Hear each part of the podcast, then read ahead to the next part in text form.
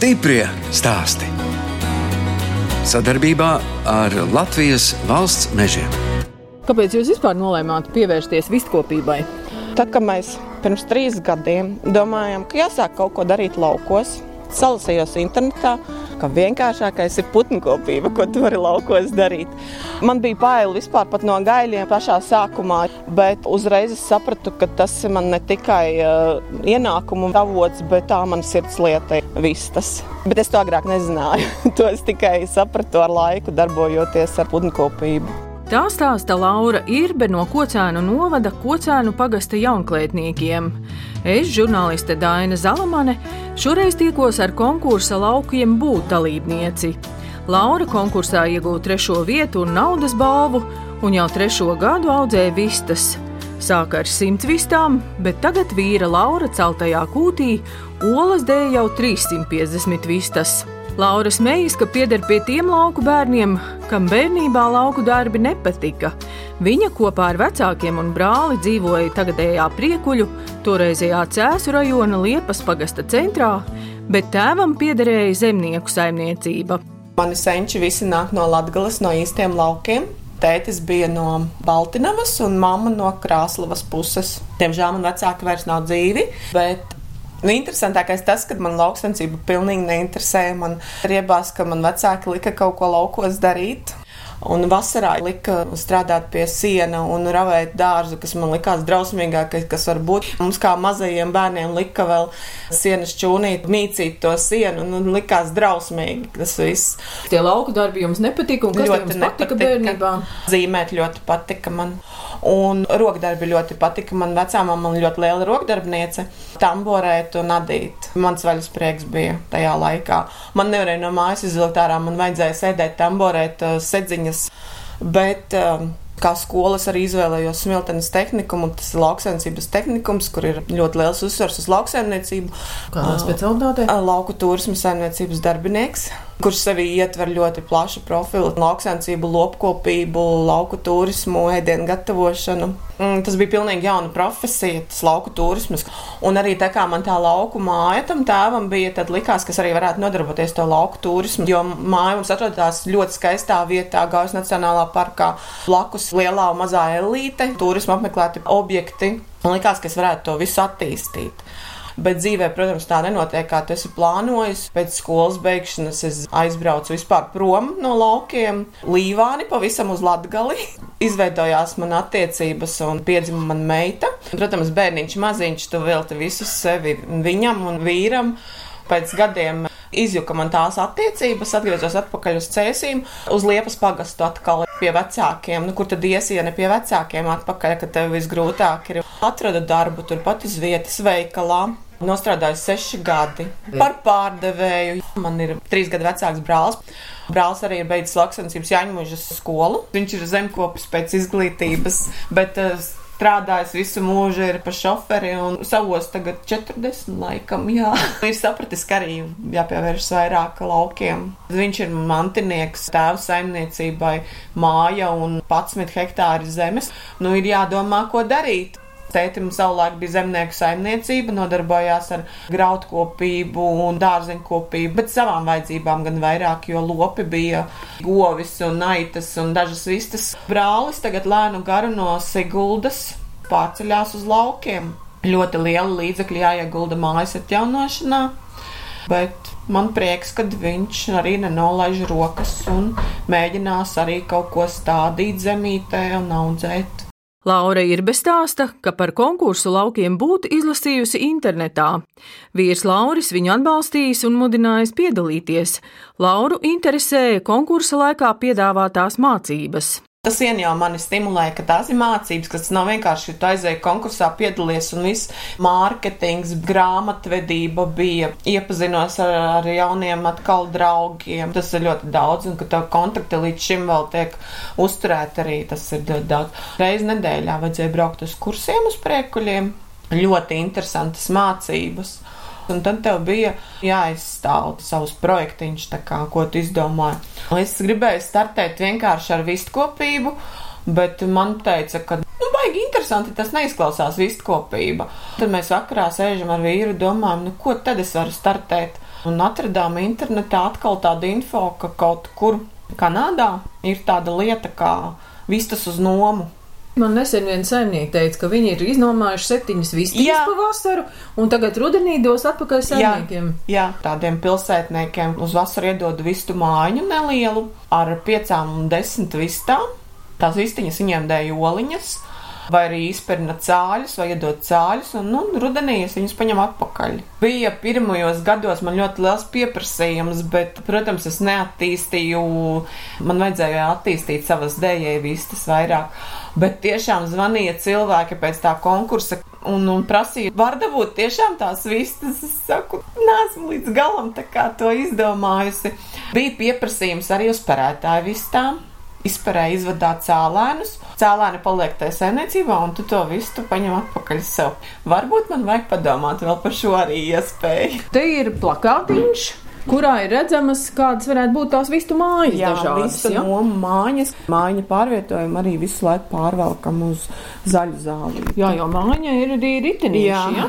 te ir dažādi veidi parādīti, kādus varētu uz ritentiņiem, mazas, lielas, izmantot savā saimniecībā. Šī ideja par to vistu nomu tad jums arī tomēr palīdzēja, ja tajā konkursā būt jā, tāds labāks panākums. Jā, jā. Žūrija sākumā skatījās lielām acīm, kad es tur stāstīju savus plānus, bet uh, veiksmīgi izturēju pusfinālu un, fināls trešā vieta. Kāds bija idejas citiem jauniešiem laukos? Vis visādas meitene no Cēsīna, tas, ka dabūja pirmo vietu, bija karamelizētas satraiknītes, tortēm un garnējumiem, cukurotas. Kas tik nebija sāls istabas, bija laukos plānotas bišu relaksācijas mājas. Tās tagad, man liekas, kļūst populāras. Jā, dārziņa kaut kāda pārstrāde, čipši no bietēm un tā pupām, lauku turisma attīstība. Jaunieši arī strādā laukos un ir izdevies realizēt tās idejas, vai ir arī tomēr tādi, kas ir pametuši? Vairāk, diemžēl, laikam, kas pamet. Liekas, neiet uzreiz tik labi, nav tavs produkts tik pieprasīts, kā tev gribētos. Tad ir svarīgi, lai tev blakus ir cilvēks, kas tevi atbalsta un saka, nē, tev viss izdosies. Man jau arī sākumā teica, es neko vairs negribu, man nekas nesanāk, un vīrs teica, tu pagaidi, atpūties, padomā vēlreiz un turpinu, un es turpinu. Un Visādi iet, bet galvenais patīk tas, ko dara. Kad es uzsāku šo vistkopību, es lasījos internetā, ka visvienkāršākais biznesa uzsākšanas veids laukos - vistkopība. Bet pirmajā pusgadā es sapratu, ka tas noteikti tā nav. Ir arī jāzina, ko tu dari. Nevis vienkārši paber graudus un gaidi olas. Patreiz, jā, pēc trīs gadiem varbūt varētu teikt, ka nekā sarežģīta, jo es esmu tiešām daudz mācījusies un joprojām es konsultējos ar vēl zinošākiem cilvēkiem. Un, ja visu dara pareizi, tad nekā sarežģīta tur nav. Bieži vien nākas dzirdēt, ka tas pirmais gads un pat vairāki pirmie gadi tomēr aiziet bez tādas stabilas peļņas. Jā nu, jau gads riņķī, kā es esmu savu saimniecisko darbību uzsākusi, un visu laiku tev ienāk naudiņa, aiziet naudiņa, nekāda milzīgā peļņa nesenāk. Tagad gads būs pagājis, nu pat skatāmies, kad varbūt sākam arī kustēties mazliet uz augšu. Jaunieši vispār vairāk domā par to privāto biznesu, Jā. un viņiem nav tas sapnis strādāt algotu darbu no tikiem līdz tikiem. Vairāk saskaros ar tādiem, kas vairāk domā pievērsties laukiem, pērk īpašumus, eh, zemes, domā, ko darīt. Un, un... Jā, bet daudz arī saka, jo ar mm. plikām rokām jau tu neko neuzsāksi. Nav vienkārši. Es arī esmu staigājusi lauka atbalsta dienestā un prasījusi, ko man var dot kā mazajam, kamēr, diemžēl, tev pašam nav kaut kāda pamatiņa, neviens tev neko arī nenoliks uz paplātes. Ļoti apsveicami tie jaunieši, kas ir ārzemēs strādājuši, sapelnījuši naudu un atgriezušies Latvijā un nopērka īpašumus un iegulda to naudu atkal lauksaimniecībā. Tas ļoti, ļoti priecē. Stiprie stāsti!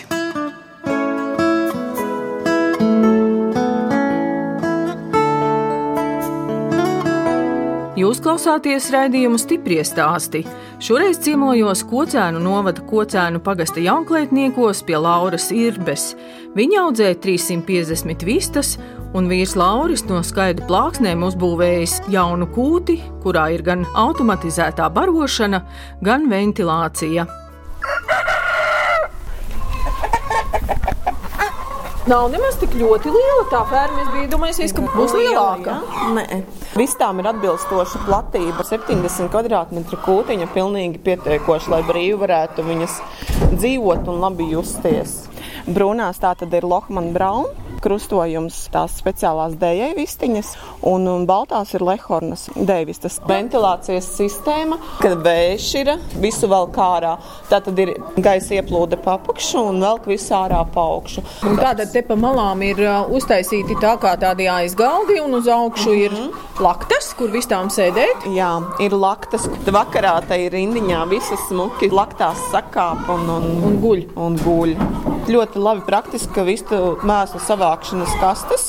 Vistas nestaigā pa saviem mēsliem. Jā, jo pa virsmu ir režģis, ir, režģis. ir, ir nolikts un salīdzinoši viss tīrs ir šeit. Tur ir dēkastes, tad vista man ir ļoti daudz, lai viņas izdētās olas nesamīcītu. Kastītēs ir izdomātas ripojošās kastes, nedaudz ar slīpumu. Vista tā tad izdēja oliņu, pati pasparta kā to oliņu savācēja kastītē. Un oliņa tīri un smuka ieripo veselas savācēja kastē. Vakarā es mierīgi eju un visu salasu. Viss, kur vistiņas tagad iet un dēļ oliņas arī rinda jau stājās uz olu. Kā jūs ie, iemācāt, ka viņām tur jāiet dēt? Vista ļoti gudrs putns. Vista pati saprot, kad jāiet savās kastītēs un jādēļ. Sākumā tā, ka Vista ir jaunputniņš, ieliec mākslīgo oliņu viņai dēļ kastītēs, kur tu gribi, lai viņa dēļ, un, un viņa ātri vien saprot, kad ir jāiet tieši tur. Vista dēļ tumšākajās vietās, tāpēc ir ierīkoti aizskari vistu kastēs. Dažas pamanās tāpat pa stūriem man kaut kur izdēt. Barošanas sistēma automātiski. Mans darbs ir jāsabar barība bunkurā, kas atrodas ārpus kūts, palikt telpā. Visteņa kā noēd barību līdz noteiktam līmenim, tā automātiski viņai visu laiku tiek padota klāt. Ir uh, mazas durtiņas, kur Jā. vistiņas brīvi var iet ārā, ja viņām Jā. gribās, vai nākt iekšā, ja viņām gribās. Durvis tātad vasaras laikā deviņos es atveru. Un vakarā viss tas pašas sajiet kūtī, kā sāk palikt eh, mazliet tumšāks ārā. Un viss tas ir drošībā. Pakājušas agrāk es izmantoju skaidrs. Man ir fantastiski kaimiņi, zemnieku saimniecību kaņepītes, kuri nodarbojas ar graudu audzēšanu un pārstrādi. Un viņi man saka, mēs tev dotu tās sēneles, ko tu darītu. Nu, tā kā varbūt pamēģini tās izmantot. Un jau no pavasara veru pakaišos graudu sēneles. Vista vēl atrod viņos pārpalikušos graudus, un šie pakāpieši ļoti labi saveļ tos vistu mēslus kādās eh, čupiņās, un, un, un visu laiku ir sauss un tīrs. Un pēc tam ļoti labi izmantojas dārzā šie pakāpieši. Gan uz zemenēm esmu likusi augļu kokiem, lieku un ķiplokiem arī. Vistas pa dienu staigā pagalmā, kur novilkts pārvietojams žoks. Tas ir pārvietojamais eh, vistu aploks, lai vienmēr vistām ir svaiga zālīte pieejama. Lai pasargātu vistas no vanagu uzbrukuma, vajadzētu pāri tīklu, bet manam lielajam aplokam to nevar izdarīt. Vasarā bezdelīgas un stārķi sargā mūsu ganāmpulku. Un, un rudenī tad ir jāpārņem šis uzdevums bataram, sunītam un man paldies Dievam, esmu tikai divas vistas zaudējusi pa šo laiku. Bet tas sunīts ir tāds maziņš. Galvenais, lai skaļi reji. Augums nav tik svarīgs. Jā. Ja? Viņš ir žiparīgs un, un skaļi reji, un tas arī nostrādā šajā gadījumā. Un viss tas pat nebaidās no suņa? Nē, viņas ir pieradušas no paša mazotnes. Viņš pat iemācījies pārkāpt pāri žodziņam, ja? jā? Viņš zina, ka aplokā var atrast kādu oliņu. Viņam garšo olas, un viņš zina, ka viņš to drīkst arī apēst, to atrasto oliņu. Kā našķis viņam dienā tiek pa vienai olai vismaz svaigi dētāji. Un sunītiem kas tā ir pa šķirni? Viņš nav šķirnes sunīts, viņš vienkārši skaists. vienkārši labs sarks ir atnācis pie mums no kaimiņu mājas. Naktīs, vakaros ir viņa tieši šie pienākumi sargāt no lapsām. Tātad visu ganāmpulku. Vakar pat bija lapsa staigāja pa šo nokulto labības lauku, un, un, un Baters eh, veiksmīgi aizdzina projām. Bet kāpēc tās visas tomēr ap to kūti vairāk pulcējas? Nu, te ir ko dzert un ēst. Viņām ir bailes. Vista tomēr 50 metrus no savas mājas viņas izvēlas staigāt. Tāpēc viņām es pļauju arī ikdienā svaigu zāli. Mauriņu nopļaujumu un visu savākto zālīti vistām atdod. Vistiņām tur ir tāds lodziņš, kur mm -hmm. viņas var iznākt ārā no fermas. Mm -hmm. Tad te ir gan ūdens, gan šorīt ir gurķīši nolikti. Jā, vakar bija kā kāposti, šodien ir gurķi, graudi. Tā tad vista var staigāt iekšā ārā kūtī, kad viņa vēlas. Tās ir tās brīvi staigājošās vistas. Jā. Nu, laimīgās vistas. Laimīgās, viennozīmīgi laimīgas vistas, jo viņām tiek eh, dots vislabākais un garšīgākais, manuprāt.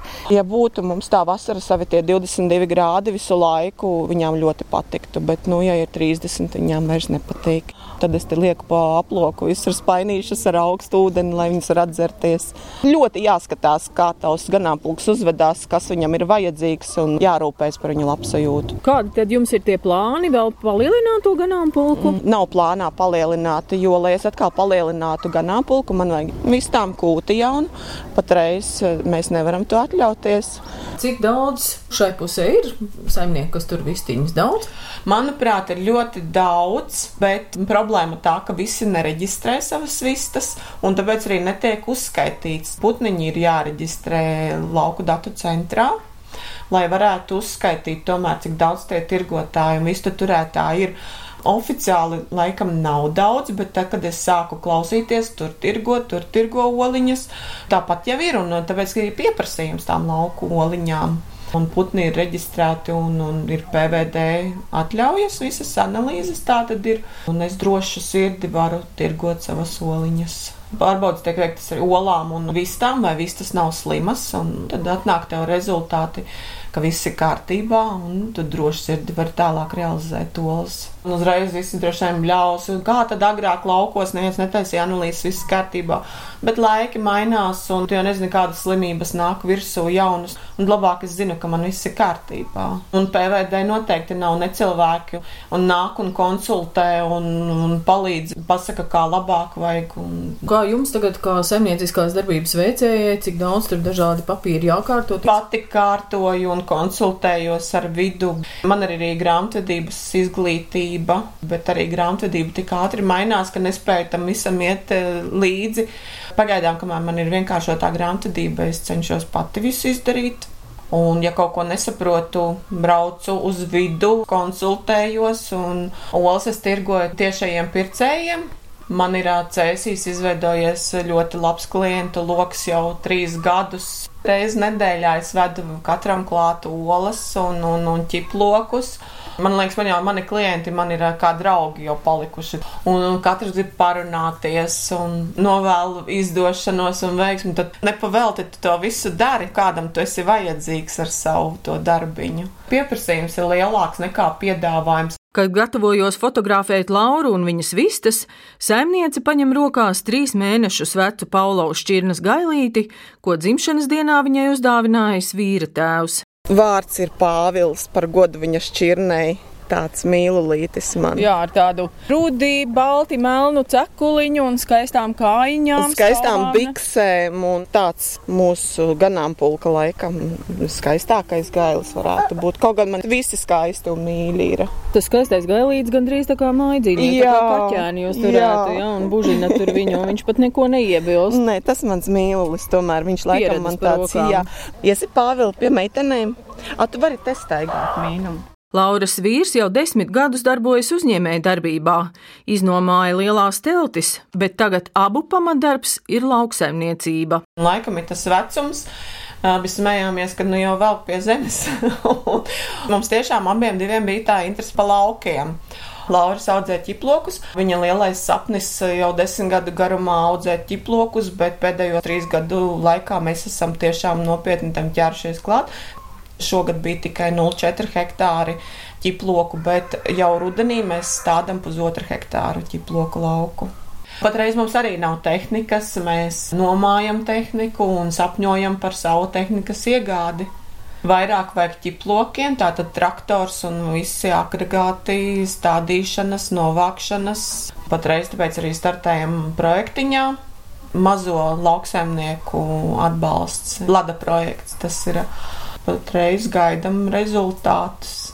Jūs stāstījāt, vīram bija tas biznesa celšu noma, un to vienu telti viņš simboliski jā. ir atstājis arī šeit jā. jums noder vai nekur glabājas tagad ķiploku kastes. Jā, visa ir ķiploki ir izžuvuši, tālākie darbi ir daivošana, lai atkal stādītu zemē atpakaļ. Speciāli priekš manis ir ķiploki ar lakstiem, jo virtenes tiek pītas tikai no lakstiem. Tur kā jūs tur pinat, pilnīgi jā, tā bizīti. Jā, bīza tiek sapīta no lakstiem. Pa vidu ir uh, puķes sausās, kas arī saglabā savu skaistumu ziemā. Un varbūt pastaigājoties, redzējāt, ka jau pamati tiek veidoti ķiploku mājai jaunai, kas būs jau modernāka ar ventilācijas sistēmām. Jo patreiz ir dabīgā visa ventilācija teltī, sienas vaļā, sienas ciet. Laikapstākļi mūs lutina ļoti, ļoti šovasar. Ir saule un vējš, un, un ķiploki ļoti labi žūst. Bet nākošajam gadam jau plānota tā raža ir daudz, daudz lielāka un ir plānota arī šī jaunā novietne ķiplokiem ar ventilācijas sistēmu. Lai... Nu, tad vispirms ir vistu māja un ķiploka, ķiploka māja. māja un tad, un tad var būt kādreiz pašiem sava māja. Jā, jau ir nolemts maza, maza mājiņa Jo es negribu kalpot mājai, noteikti nē. Man vajag tikai māju tik daudz, kā pēc darbiņa vakarā atpūsties un sakārtot savas dokumentācijas visas. Tā, un kas te jums tur ķirbi aug? Man aug ķirbi, visi gardumi, vistām, ķirbi, kabači, kartupeļi bija vistiņām. Man bija agrie kartupeļi tikai sastādīti bija runkuļi sastādīti, tas viss priekš viņām. Raidījums sauc stiprie stāsti. Uzņēmējam ir jābūt stipram cilvēkam. Protams, jābūt fiziski stiprai, jo visus darbus es daru pati, saistīti ar putnu kopību. Ir, Un tas nozīmē arī mēslu. Mēslu tīrīšana, visa, jā, un kūts turēšana kārtībā. Tas viss ir mans. Un jābūt morāli stipram, lai pārdzīvotu varbūt neveiksmes un, un saņemtos un dotos tālāk ar jauniem spēkiem un izdošanos. Izvēles cena sava, vai tu strādā tiešām tādu algotu darbu un izdari un aizmirsti. Nu, man nav viegli. Vasaras sezona, tev brīvdiena nav. Tev ir savi darbi, kas ir no rīta jāizdara, un tev ir savi darbi, kas vakarā ir jāizdara. Nu, un dienu tad tu vari veltīt atkal saviem uh, citiem darbiem. Bet katru dienu ir ko darīt. Katru dienu tev jādomā, tev ir sava grāmatvedība. Tev visu laiku smadzenes strādā, kā grozīties, kā dzīvot. Bet atkal tu pats esi savs saimnieks. Stiprie stāsti!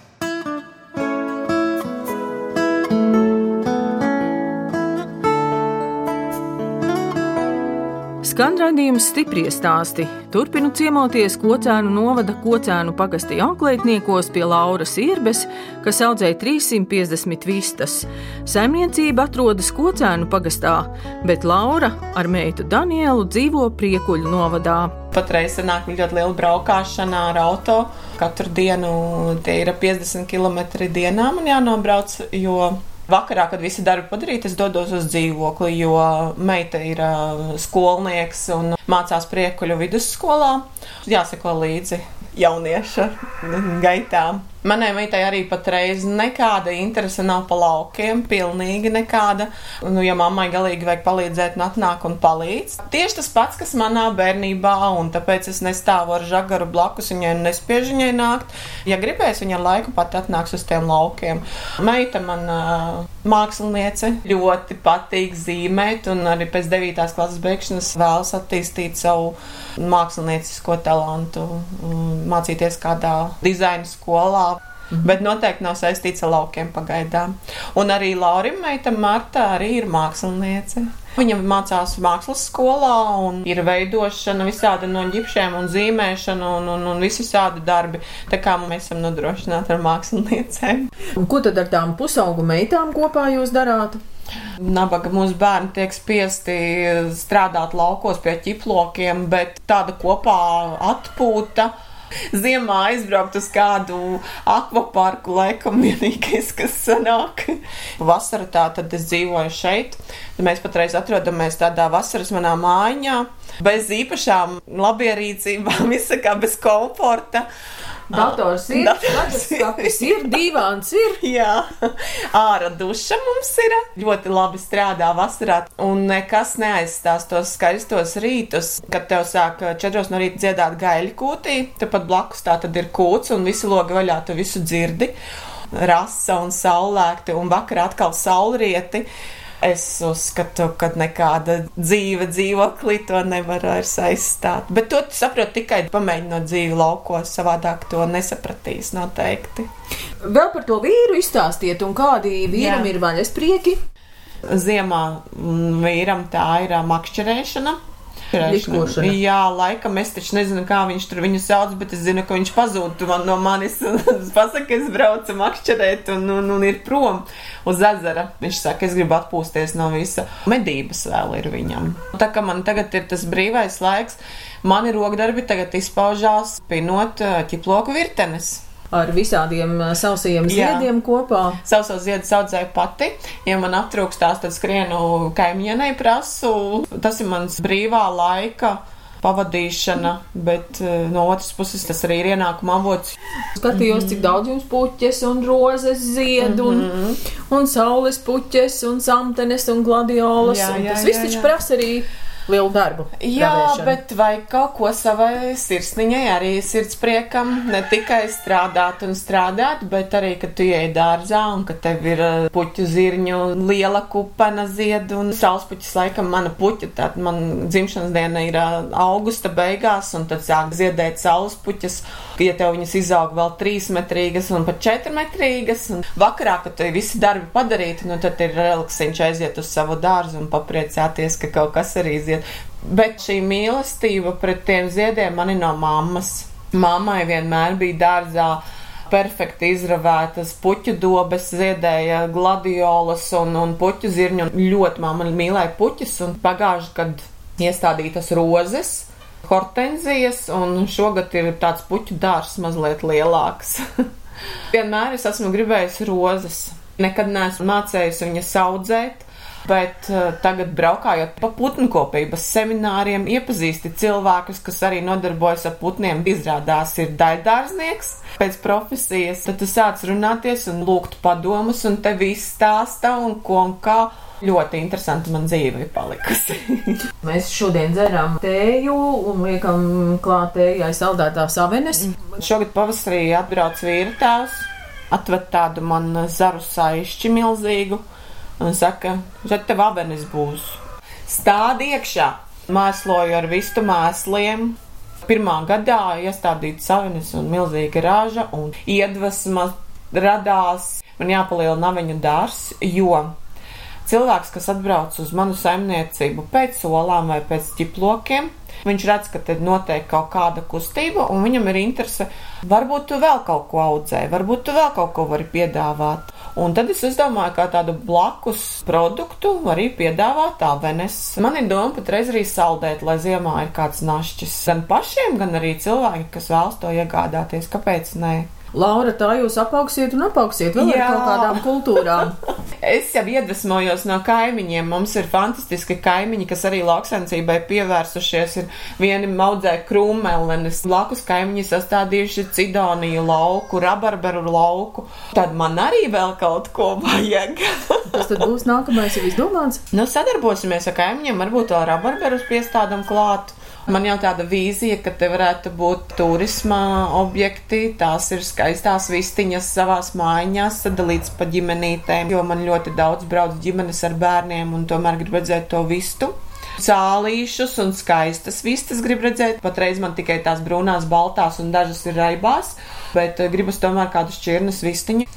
Bet dēvistas noteikti arī turpināšu turēt. Tad, kad tu skaties no cāļa, izaug skaista vista vai gailis, un tev ir uh, olas, un patreiz būs arī zaļas olas mums no jaunajiem cēlēniem. Tad to pašķirni. Lekbāra vistiņas, zila zaļas oliņas būs, jā, un tad, kad tu to visu redzi, tev jauni spēki nāk vienkārši. Un vīram savukārt tas ir, viņš saka, pavasarī, kad tu aizēji uz ķiploku lauku un tu redzi, kad ir tie zaļie dzinumi un tavs darbs nav veltīgs, tad tie spēki rodās visu turpināt un darīt, kad ir panākumi, ka tavam darbam ir rezultāts.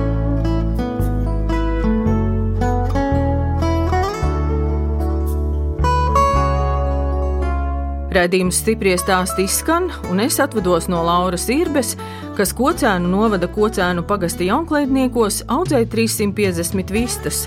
Viņas vīrs uzcēlis putnu kūti ar automatizēto barošanu un ventilāciju, būvēs arī ķiploku namiņu un kaut kad tālākā nākotnē dzīvojamo māju. No jums atvedās žurnāliste Dāna Zalamana un operātore Inga Bēdelē, lai tiktos atkal tieši pēc nedēļas.